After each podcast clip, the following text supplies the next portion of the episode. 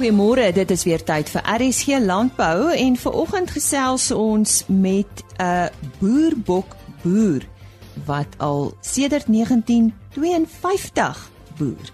Ons gesels met die Universiteit van die Vrystaat oor 'n vergelyking wat hulle gemaak het tussen ons gewone munisipale kragopsies teenoor verskeie sonkragopsies. En ons hoor wat sê die wet oor seisonale werkers. Eerste vanoggend ons weeklikse vleispryse met Chris Derksen. Hierdie pryse is behaal by veilinge in die Noord-Vrystaat en die datum van hierdie veilinge was 9 April. Chris, die volgende is belangrik. Eerstens kry ek taamlik kritiek van mense wat vir my vra wat is 'n stoorlam? Nou dis net 'n lammetjie wat magerig is en gestoor moet word tot hy vet genoeg is vir ons om kan slag. Dan dit is maar 'n ou term. Dan die ander belangrike ding is speenkalver se pryse het nie verder afgedaal nie en ons kry taamlike versterking in die mark wat 'n goeie teken is. Dit lyk vir my ons het die onderdraaipunt verbygegaan en dit lyk daarom of pryse stadig gaan begin beter word. En dan wat doodnormaal is vir die einde van die somer is daar word natuurlik baie meer vetkoeie in die mark ingestoot wat noodwendige verlaging in pryse gee. En dit is natuurlik vir die einde van die somer. 'n Mens moet maar probeer om vetkoeie altyd te verkoop van Augustus af aan in plaas van hierdie tyd van die jaar. Ek gee vir julle presiese pryse. Speenkalvers onder 200 kg het gegaan vir R32.88 per kilogram. Van 200 tot 250 kg R29.79 en oor 250 kg R27.37 per kilogram lewende gewig. A klasse R24.08, B klasse R19.12, C klasse vetkoeie het gegaan vir R18.15 en maarkoeie het gewissel van R15.02 na R16.80 per kilogram. Slagbulle R20.07 per kilogram. Die skaapmark, dit stoor lammers wat ek julle net nou verduidelik het waar dit vandaan kom, het gegaan vir R36.05 en slaglammers R29.50 per kilogram. Stoorskape R25.13 en vetskape R24.50. En dan vanaf die bokmark, lammertjies het gaan vir R35.21 en ooe R27.09 per kilogram. En soos altyd, as ons enige verdere hulp kan gee, skakel maar enige tyd na 08280 75961. Baie dankie. Die stem daarvan Chris Derksen en hulle webtuiste is www.vleisprys.co.za. Ja, ons gesels die hele week al oor uh, landbou in die Noord-Kaap en vir ons volgende bydrae sluit ons aan by Koos de Pisani. In die landbou kry jy baie mense. Jy kry jou vasbuiters en jou deurbuiters en omteens Botha is een van hulle. Hy's 'n bekende boerbokteeler en ek gesels met hom oor die bedryf. Omteens ehm um, hoe lank boer oom al met boerbok? Uh, ek ek boer van die einde van 52 af. En uh, maar ek het in in in uh, Desember 1947 het ek bewus geword van 'n boerbok my oom uh, my pa se broer een van sy broers het in Somerset Oos ge, geboer en hulle het toe ek in in 47 by hulle kom toe was ek ag uh, 13 jaar oud gewees. Toe uh, hulle is wolboere en dan in die afseisoen dan gebruik hulle die wolbins om klein bokkies in te sit die drielinge en die probleembokkies en al die. En ek onthou dit soos gister. Dan sit ek nou binne in die wolbin by die bokkies Nou hou ek die bokkie vas, dan ryk ek sy asem en ek kyk en sê o, dis goed ek doen dit nou. En toe het ek 'n besluit geneem, nie 'n eet geneem nie, maar 'n besluit ek sal nie rus voor ek nie met boerbokke boer nie, want ek het vir hulle lief geword daai tyd. En uh toe het ek my plaas gekoop. Ek het eers in in die saai wêreld in in Westersbron groot geword al my lewe deur en en toe ek in 63 het ek grond gekoop in Boshoff distrik en 'n plaas Kanonfontein en ek het toe nou my bokke gekoop en van toe af boer ek bokke tot vandag toe nog. En en ek is baie lief vir die bokke. Uh ek sien die bok so die rede waaroor ek met hulle boer is oor ek vir hulle lief is en ek sien hom as 'n bonusras. Ek noem hom my bonusras.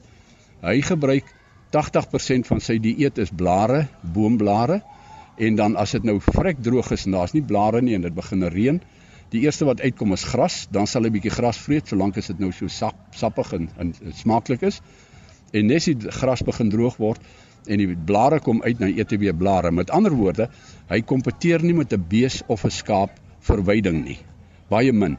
En dan maak hy gebruik van blare wat normaalweg nie deur beeste en skaap geëet word nie. En daaroor sê ek dis 'n bonusras. Jy kan jou plaas wat my my aanbetref kan jy volstok met skaap en bees. Maar as jy bosveld het, dan kan jy nog bo dit kan jy nog bokke aanhou wat dan nou daai blare benut wat andersins maar net in die grond sou ingegaan het. En uh die ander ding is uh, as jy nou kyk die die manier wat ons ons bokke uh bemark vandag, uh ons laat hulle nie slagpale toe gaan nie, want die huisvrouens in Suid-Afrika het 'n het 'n verkeerde idee dat jy eet nie bokvleis nie. Nou ek sal enige mens uitdaag as daai vleis in die bord lê, sal jy nie vir my sê of dit bok of, of skaap is nie. Maar nou met ander woorde ons kompeteer nie op die op die op, op die uh, in die slagpale nie. Uh, ons verkoop hulle lewendig in my geval in Kimberley, die ander ouens hier in die Noord-Kaap, al die al die plekke daar. En dan kry ons tot by by van 36 tot 50 rand per kilo lewendige gewig vir ons bokkie.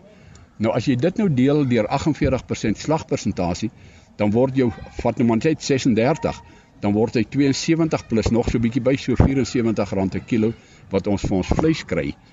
Wat jy wat wat lam lamvleis is. Maar jy het 'n bokkie en 'n half, op die minste het jy 'n bokkie en 'n half van 'n ooi en dit kry jy van veld wat jy normaalweg nie sou gebruik het met jou bees of jou skaap nie. Dit is my die en en en uh, hulle hulle is baie baie vrugbaar. Hulle het 'n goeie lewe. My my ooi wat die oudste geword het was 11 uh, 11 jaar en in 10 maande toe sy gelam die laaste maal, maar sy se maand later dood. Die ooi was oud. En my ou ram ou Tommy wat 'n baie bekende ram is wat vir my baie baie beteken het. Hy het gelewe tot hy 12 jaar oud was. Yes. En uh, dit is maar die rede hoekom ek uh, dis die ekonomiese rede hoekom nou, ek moet die bokke boer.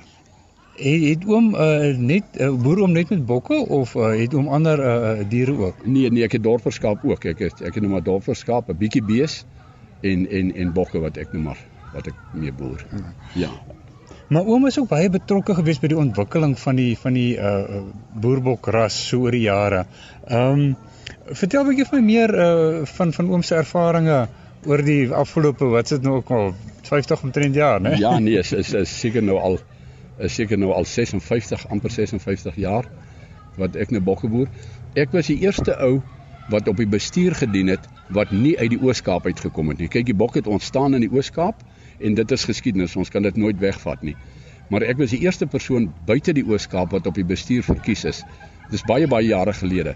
En later aan was ons drie bosoffers op die op die bestuur. En ons het net maar gehelp beleid maak oor die rasstandaarde gepraat en al daai klas van dinge. Ons het baie planne gehad en skoue georganiseer en al so aan. En ek het die bok sien sien ontwikkel oor baie jare tot dit vandag 'n pragtige dier is. Regtig wat dit is, dis 'n baie baie mooi dier vandag, 'n vleisdier en hulle is baie funksioneel. En as 'n uh, uh, ons kyk na 'n lampersentasie, lampersentasie is wanneer jy 100 oeye by 'n ram sit en dan kyk jy hoeveel lammers kry jy maar dan is dit hier in die 180 190% van die van die van die van die uh, lammers wat jy kry maar as 'n 100 oeye gelam het het jy normaalweg oor die 200 lammers en alright hulle hulle hulle het maar 'n bietjie hoë mortaliteit hoër as as skaaplammers ek weet nie hoekom nie seker maar word hulle bietjie swakker as as hulle aankom maar jy jy jy uh, jy speen baie maklik jy moet maar 'n normale boer wees as jy net 150% lammers speen uh, die ouens wat beter doen speen heelwat meer. En en dan 'n ander ding is ek is nie lief vir hierdie oorgroot bokke nie. Hulle is nie die funksionele bokke op die op die veld vir alles jou veld skralerig is. Dan hou ek van die medium size bokke en selfs 'n bietjie kleiner as medium size. Ons het 'n proef gemaak uh, toe ons eenmal 'n klomp uh, bokke ge, ge, ge, gespeen het. Toe werk ons hulle aangepaste speengewigte uit op 100 dae. Toe weeg ek die oeye ook toe ons speen toe die oeye wat tussen 50 en 60 kg geweg het, het 193% gelam. Hulle het 193% gespeen.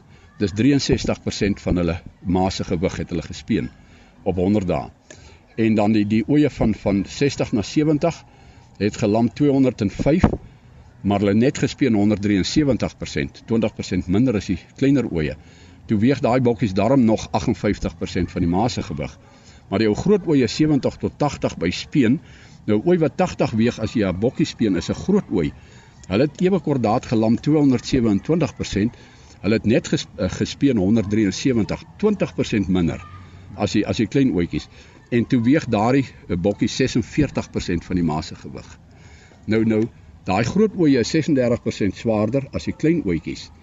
En met ander woorde, ek kan van die kleiner ooe kan ek 136 aan aanhou in die plek van die 100 groot ooe en dan kry ek 63% van hulle gewig kry ek terug in die vorm van lammers. Dit is vir my dit is dit is hoekom ek nie van jou oorgroot bokke hulle hulle in die voerkraal kan kan hulle gedei want hulle kry genoeg kos. Maar as die veld 'n bietjie skraal is, dan stiek jy by die by die by die middel uh mediums bietjie kleiner. Kyk na al die al die wildsdiere wat regtig in die in die veld skraalveld gedei is nie vreeslike groot goed nie. Springbok is 'n fyn diertjie. En en en die Persiese skaap is baie gehard, klein diertjie. Die dammera, die die meatmaster is is nie kolossale groot skaap nie, maar daai daai kleiner raamgoed is die goed wat beter doen op die skraler veld wat ons 80% van ons land se veld is nie baie geil nie. Hoe moet ek op heelwat rade en en bestuure gedien? Ja, ek het nou soos ek sê, ek het op die op die boerbok bestuur uh die nasionale bestuur gekom. Ek kan eers ont, onthou die jaar nie, ek was baie baie jare daar. En dan het ons die die hierdie Noord-Kaap klub wat nou die kampioenskappe nou hier aan is, het ons hy het op 'n baie jare gelede doodgeloop. Toe het ons hom weer gestig en ek was 21 jaar was ek voorsitter van van van die uh klub. En toe het ek net besluit die die jong ouens moet nou oorneem. En uh toe het hulle nou maar oorgeneem. Van toe af het ek nou nie weer op bestuure gedien nie, maar ek is maar nog Ek is 'n 'n keerder en 'n beoordelaar van sewe kleinvee kleinvee rasse. So ek kry tamelik baie werk. Uh, nou weer 'n produksieveiling wat aankom wat daar nou van rooi skaap is en en en boerbokke en dorpers en goed, dan kan ek dit daarom doen. Dan dan spaar hulle 'n bietjie koste as as ek nou meer as een ras kan doen. Hoe sien oom die uh die die toekoms van van van die uh kleinveeboerdery in Suid-Afrika? Nee, ek ek dink hy het 'n goeie toekoms. Ons kry geen hulp van die regering nie. Ek wil nou nie politiek praat nie, maar dit is 'n dis 'n feit. Ek ek ek jok nie as ek dit sê nie. Maar omrede die kleinvee so betalend is vir ons, sal ons altyd met hulle boer. Ons het wel 'n probleem waar ek nou bly in Boshoff. Uh het ons 'n groot probleem met uh met met ongedierte en tweebeen ongedierte. En so dat daar baie minder skaap vandag is in Boshoff distrik wat eintlik 'n tradisionele kleinvee distrik is. Daar's baie beeste vandag, maar vleis is gesog en ek kan nie sien dat hulle daar ooit 'n ooraanbod van vleis sal wees nie. En en daaroor met ander woorde as ek nou opsom, dan sien ek 'n uh, rooskleurige toekoms vir vir vir uh, vir die veebedryf in Suid-Afrika. Dit was oom Teens Botha wat so lekker gesels. Um, as jy na hom luister, dan kom jy agter dis nie 'n man met 'n wat 'n teeler is nie. Dis eerder 'n teeler met 'n passie wat sy passie uitlewe. Dis Koos de Pisani vir RC Landbou. Weerens dankie aan Koos de Pisani en hy is ons RSG landbou medewerker in die Noord-Kaap. Ons gesels ver oggend oor uh alternatiewe kragopsies vir landbouers. Nou uh, ek dink nie ons het nodig om 'n uh, rede te gee hiervoor nie. Die Universiteit van die Vrystaat het 'n uh, vergelyking getref tussen ons normale as ons maar kan noem Eskom krag en uh, alternatiewe kragopsies en ek gesels nou met 'n uh, navorsingsassistent in uh, landbou-ekonomie, Mario van der Heever. Mario, ja, miskien moet jy net eers vir ons verduidelik presies waaroor gaan hierdie studie. Uh, môre Lise en môre luisteraars. Wel, um, soos jy gesê het, het ons die afgelope tyd reeds probleme opgetel met Eskom en die kragvoorsiening wat hulle gedoen het. So wat ons gedoen het is ons het gaan kyk na verskillende tipe energie of alternatiewe energiebronne en ons het spesifiek gefokus op sonkrag en die verskillende tipe sonkragstelsels wat 'n mens kan kry vir jou huis en dan ook na die finansiering daarvoor en na die elektrisiteitpryse en hoe dit opgegaan het oor die afgelope paar jaar en hoeveel elektrisiteit um boere beïnvloed en hoe dit boere beïnvloed. Hoekom oorweeg boere dit om alternatiewe elektrisiteitsbronne aan te skaf? Wel boere oorweeg dit hoofsaaklik omdat die prys van elektrisiteit die afgelope jaar van 1999 tot en met 2018 elke jaar met min of meer 8% per jaar opgegaan het. Dan verder Eskom het 'n skuldlas van 420 miljard rand En met die lopende koste en terugbetalingsvermoë van Eskom as gevolg van en as gevolg van korrupsie um twyfel ons in die vermoë van Eskom om daai geld terug te betaal en oor verdere kragvoorsiening in die toekoms. So al hierdie het tog 'n effek op boere wat alternatiewe bronne van uh, elektrisiteit nasoek. Wat is nou die verskillende sonkragstelsels wat boere kan aanskaf? Wel, Lisa, daar is drie verskillende tipe sonkragstelsels wat boere kan aanskaf. Daar is die netwerkvrye stelsel, netwerkhibriede stelsel en 'n netwerkgekoppelde stelsel. Nou, wat hoofsaaklik van hierdie drie stelsels verskil is die batterye wat mens moet aanskaf en die hoeveelheid sonpanele wat mens ook moet aanskaf saam met elke stelsel. Nou die hibriede stelsel werk goed vir huishoudings waar hulle hoofsaaklik net in die aand krag gebruik of vir beurtkrag waar jy 5 tot 6 ure se elektrisiteit in die aand nodig het of tydens 'n beurtkrag sessie. Waar 'n netwerk gekoppelde stelsel hoofsaaklik net op sonkrag staat maak. Jy het glad nie batterye nie. So dit werk net slegs gedurende die dag en glad nie in die aand nie. En dit is goed vir boere wat sê nou maar net die stoor elektrisiteit vir 'n stoor wil verskaf of vir 'n pomp gedurende die dag, maar hulle gaan wel glad nie elektrisiteit in die aand hê nie. En dan waar 'n netwerk um of 'n netwerkvrye stelsel het nou weer glad nie jy maak glad nie staat op Eskom nie jy is off grid soos wat hulle dit in Engels sal sê en daarso moet jy 'n groter hoeveelheid van batterye hê as waar jy met hybrid 'n hibriede stelsel minder batterye benodig en jy het ook meer sonpanele nodig en elkeen van hierdie stelsels het dan nou verskillende kostes Ja, ons gaan nou by die kostes kom en ek weet uh, natuurlik die batterye is seker uh, uit uit van alles die die duurste item, maar kom ons gesels met jou oor hierdie kostes as jy dit net vir ons kan vergelyk. Wel, ons het gekyk na die die lewensduur van die batterye en hoe dit jou kostes beïnvloed. Maar uh, aanvanklik jy kan gaan vir 'n opsie waar jy batterye net van 5 tot 7 jaar hou En dit sal jou, jou ongeveer by 180 000 rand uitwerk waar jy net waar jy 80% van die battery leegtrek elke keer as jy die son oorskakel na jou sonkragstelsel toe. Maar oor die lang termyn is daar 'n goedkoper opsie. Dit is waar jy meer spandeer, 'n hoër aanvanklike koste het van ongeveer 230 000, maar jou batterye hou jou tot en met 14 jaar en met elke sessie wat jy oorskakel na sonkrag toe, sal jy net 60% van die batterykapasiteit leegtrek voordat hy weer herlaai. Daar word ook gesê dat verbruikers versigtig moet wees vir gelpak batterye. Ja, die gelpak batterye is goedkoper in die begin, maar hulle het 'n korter lewensduur as jou lithium batterye wat 'n langer lewensduur het en dalk duurder is aan die begin, maar oor die lang termyn sal dit goedkoper wees. Ons het ook dan gaan kyk na hoeveel jaar dit gaan vat vir verbruikers om hierdie um sonkragstelsels af te betaal en dit ons het uitgewerk dat vir 'n gewone verbruiker wat in die stad bly dit tussen 8 en 11 jaar gaan vat om die sonkragstelsel af te betaal eh, waar dit vir die plaas verbruiker relatief minder tyd gaan vat om die sonkragstelsel af te betaal waar dit net 5 tot 7 jaar vir hulle gaan vat. So dit sal meer voordelig wees vir iemand wat op 'n plaas bly.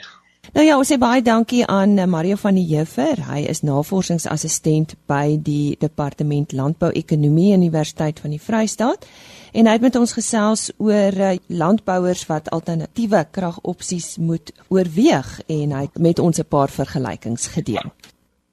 Vir ons laaste gesprek vanoggend sluit ons aan by Henny Maas. Ons uh, praat nou met uh, advokaat Ernst Rigter. Hy is van die uh, Landbouwerkgewersorganisasie en ons gaan met hom praat oor uh, seisonale werkers. Ernst, uh, wat is die verskillende werkskontrakte wat boere met arbeiders kan sluit? Hierdie die wet erken basies net twee werkkontrakte. Jy het 'n permanente werk eh, werknemerskontrak en dan het jy vaste termyn kontrakte. Jy weet ek kom baie keer by boere en uh dan sê ek vir hulle maar waar is jou werkskontrakte en dan haal jy vir my so ses werkskontrakte uit en uh, dan sien jy daar's so 120 mense op die land en dan sê hulle vir jou sê maar weet jy hierdie is nou my fortnighters, hierdie is my casuals, hierdie is my permanente mense. Weet dan ek so paar Zimbabweërs wat 'n uh, Malawiërs wat nou nie op die stelsel is nie. Die realiteit is uh as 'n persoon is vergoeding ontvang vir die diens wat hy lewer, is hy 'n werknemer. As jy nie kan bewys dat hy 'n vaste termyn werknemer is nie, is hy 'n permanente werker. So dis baie belangrik dat jou kontrakte binne daai twee kategorieë moet val. En, en wat sê die wet oor uh, seisonale werkers? En 'n baie belangrike ding oor seisonale werkers en ek wil graag vir die boere vra As jy 'n seisonale werker het, gaan kyk na jou werkskontrak. Die wetgewing bepaal dat waar 'n persoon onder 205000 'n uh, jaar verdien en waar hy vir langer as 3 maande vir jou werk, moet daar in die kontrak uh, staan dat hy 'n dat hy 'n uh, tydelike werker is en daar moet ook 'n rede gegee word waarom hy nie permanent aangestel kan word nie. As jy nie 'n kontrak in skrif het nie, en jou kontrak het nie daai spesifieke bepaling om te sê dit is die rede waarom ek jou nie permanent uh, kan aanstel nie word daardie werker beskou as 'n 'n uh, permanente werker en kan daardie werker eis by die KVBA dat sy werkskontrak verklaar word as 'n permanente werknemerskontrak. En en uh, watter risiko's loop die boer as as sy indiensnemingskontrakte nie heeltemal reg opgestel is nie? Soos ek reeds gesê het, jou eerste probleem waarmee jy sit is is ehm um, die risiko is dat daardie werkers dan beskou kan word as permanente werk werknemers. Ons het op hierdie stadium met verskeie sake wat ons by die KVBA sien, ehm um, waar eise gestel word eh uh, deur werknemers om hulle uh, kontrakte te erken as as as as permanente uh, kontrakte. Nou jy kan dink as jy 1500 seisonale werkers het en jy sit skielik met 'n werksmag van 1500 werknemers. Dan 'n verdere ding is is ook Ehm um, dis geweldig belangrik dat waar jy 'n uh, verwagting geskep het dat 'n persoon se kontrak hernie sal word, kan daardie persoon as sy kontrak ehm um, getermineer word, dan eis en sê maar daar was 'n verwagting geskep dat ek permanent aangestel sal word of my kontrak ehm um, sal hernie word en dit kan dan neerkom op 'n onbillike ontslag waarvoor kompensasie betaal kan word of die persoon kan dan inderdaad permanent in diens aangestel word. En en watter impak het die wet op minimumlone op hierdie seisonale werkers? Drie belangrike ehm um, aspekte wat ek graag uh, wil, behandel. Die eerste ding is die uh, wet op uh, minimumlone bepaal dat 'n kontrakwerker of enige werker moet vir 'n minimum van 4 ure betaal word. So jy kan nie bloot net 'n seisonale werker of 'n stukwerker inbring en sê, "Goed, werk vir my vir 'n uur en ehm um, ek gaan jou vir die uur betaal." Nie. Jy moet hom 'n minimum van 4 ure betaal. Dis van toepassing op alle werknemers en dan ook baie belangrik en dis spesifiek met seisonale werkers bepaal die wet dat waar jy 'n persoon anders betaal as 'n uurlikse fooi. Ehm um, so jy betaal hom byvoorbeeld vir die sakkies aartappels wat geoes is, die eie wat getrek is, die kratte wat gepak is, moet hy ten minste die minimumloon vir daai uur betaal. So boere kan nie net gaan en sê jy het vir my 3 sakkies uh, katoen geoes, dit het jou 6 ure gevat, ek gaan jou net 'n sekere bedrag betaal daarvoor nie. Uh die die wet op gelyke indiensneming, uh, is dit ook van toepassing op seisonale werkers? Ja, dit is definitief. Die wet op gelyke indiensneming uh, in die eerste plek rapporteer jy op tydelike werkers. Dit is persone wat vir korter as 3 maande in diens is, maar dan waar 'n persoon vir 'n vaste termyn kontrak langer as 3 maande in diens is, moet hy gerekordeer word op jou uh, plan as 'n permanente werker. So dit het 'n wesenlike invloed op jou beplanning vir die volgende 5 jaar en dit het ook dan 'n wesenlike wesenlike invloed op op of kan hê op jou samestelling van jou werksmag en hoe jy dan die persone in diens moet neem. So daar moet ook met die ehm um, met die aanstelling van seisonale werkers gekyk word na jou gelyke indiensnemingplan en dit moet strook met jou gelyke indiensnemingplan en die onderneming wat jy daar gemaak het. Nou erns as boere verkies om om eerder kontrakteurs aan te stel, dis in plaas van seisonale werkers. Wat is die risiko dan vir boere? En nie baie belangrik dat waar jy 'n kontrakteur aanstel, moet 'n kontrakteur gebruik word vir die doeleindes van 'n uh, uh, kontrakwerk. Die wet bepaal dat en en dit is ook in die sektorale vaststelling dat waar jy 'n persoon gebruik as 'n onafhanklike kontrakteur, maar een van die faktore wat in die ehm um, sektorale vaststelling genoem word is teenwoordig en ek gaan nou nie deur almal gaan nie, maar dis onder andere 'n persoon werk vir meer as 40 ure vir jou, hy gebruik jou toerusting, hy gebruik jou gereedskap, hy vorm deel van jou stelsel, dan sê die wet, daardie persoon word geag werknemer te wees tensy jy die teendeel kan bewys en bewys hy is net 'n onafhanklike kontrakteur. So waar jy 'n persoon aanstel as 'n onafhanklike kontrakteur met die doel om die wet te omseil, gee die wet spesifiek 'n vermoede dat daardie persoon ongeag sy kontrak beskou gaan word as 'n werknemer en dan 'n verdere risiko is ook dat ehm um, die 'n uh, onafhanklike kontrakteur kan in sekere omstandighede gesien word as 'n laborbroker waar die risiko dan op jou gaan lê as minimumloon nie betaal word, kan dit van jou geëis word, sowel as waar die die die ehm um, die die korrekte prosedure nie gevolg word ten opsigte van jou van jou uh, ontslag en en en so meer. Wel as 'n boer besluit om om 'n uh, arbeider slegs vir vir sogenaamde stukwerk te gebruik, wat is die slaggate? Eerste slaggat vir my is hier nie weer eens soos ek gesê het, daar moet 'n kontrak wees. Ek weet van baie boere wat stukwerkers aanstel En omdat dit 'n administratiewe las is, word daar nie kontrakte opgestel nie. My probleem is as jy met 'n stukwerker ehm um, te maak het en jy het nie 'n behoorlike kontrak nie, ehm um, word daardie persoon beskou as 'n permanente werker. En dan ook jou jou jou minimumlone maak seker jy jy jy voldoen aan daardie vereistes en dan ook waar jou waar jou stukwerkers dan op 'n gereelde basis uh, gebruik word moet jy ook verseker dat jy nie 'n verwagting skep dat daardie persoon se stukwerk herhaal gaan word nie. Ehm um, waar hy dan as jy sy stukwerk termineer ook dan moontlike eis kan hê by die KVB om te sê maar daar's 'n redelike verwagting geskep dat ek ehm um, op herhaalde basis gebruik sal word en ek kan nou eis dat my kontrak ehm um, hernu word. Ja, in sommige gevalle taamlik ingewikkeld. Ons sê baie dankie aan uh, advokaat Ernst Rigter van die Landbouwerkgewersorganisasie. Dankie Henny en uh, fluit fluit ons storie is uit vir hierdie week. Ja, môreoggend se RSG landbou om kwart voor 5 is daar vanaf Elsenburg. Mag u 'n aangename naweek beleef en uh, dan gesels ons weer maandagooggend net so skuins na 05:30. Totsiens. RSG landbou is 'n produksie van Plaas Media. Produksieregisseur Henny Maas. Aanbieding Lisa Roberts en inhoudskoördineerder Jolandi Root.